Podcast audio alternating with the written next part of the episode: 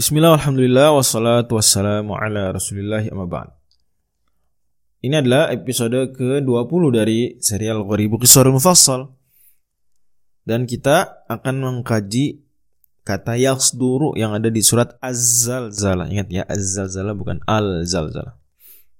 Dan kata yasduru Allah firmankan di situ yauma idzi yasdurun nas wa ishtatan liyurau a'malahum pada hari tersebut manusia yasduru keluar. Ashtatan liyurau amalahum. Terpisah-pisah, terpencar-pencar untuk diperlihatkan amal-amal mereka. Jadi yasduru artinya keluar, menyebar sebetulnya lebih tepatnya, yakni insorofa yang sorifu berpaling dari satu tempat. Kata sodaro lawan dari waroda. Ya, waroda misalnya Kata aslinya orang Arab ketika unta mau minum ke satu mata air itu waroda. Masuk datang. Kemudian kalau sudah selesai sodaro. Ya.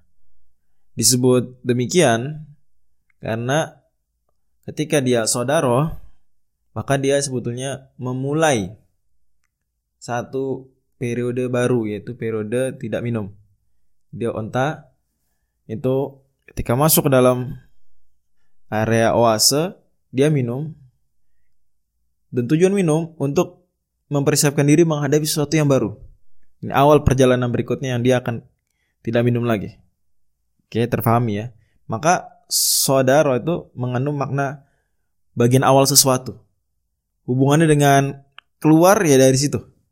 Karena ambil katanya awalnya dari onta yang minum di air atau mata air atau oase tadi. Oke, makanya awal sesuatu disebutnya soder, ya. Saya bagian depan manusia, bagian awalnya dada, soder. Alam nasroh laka sodrok.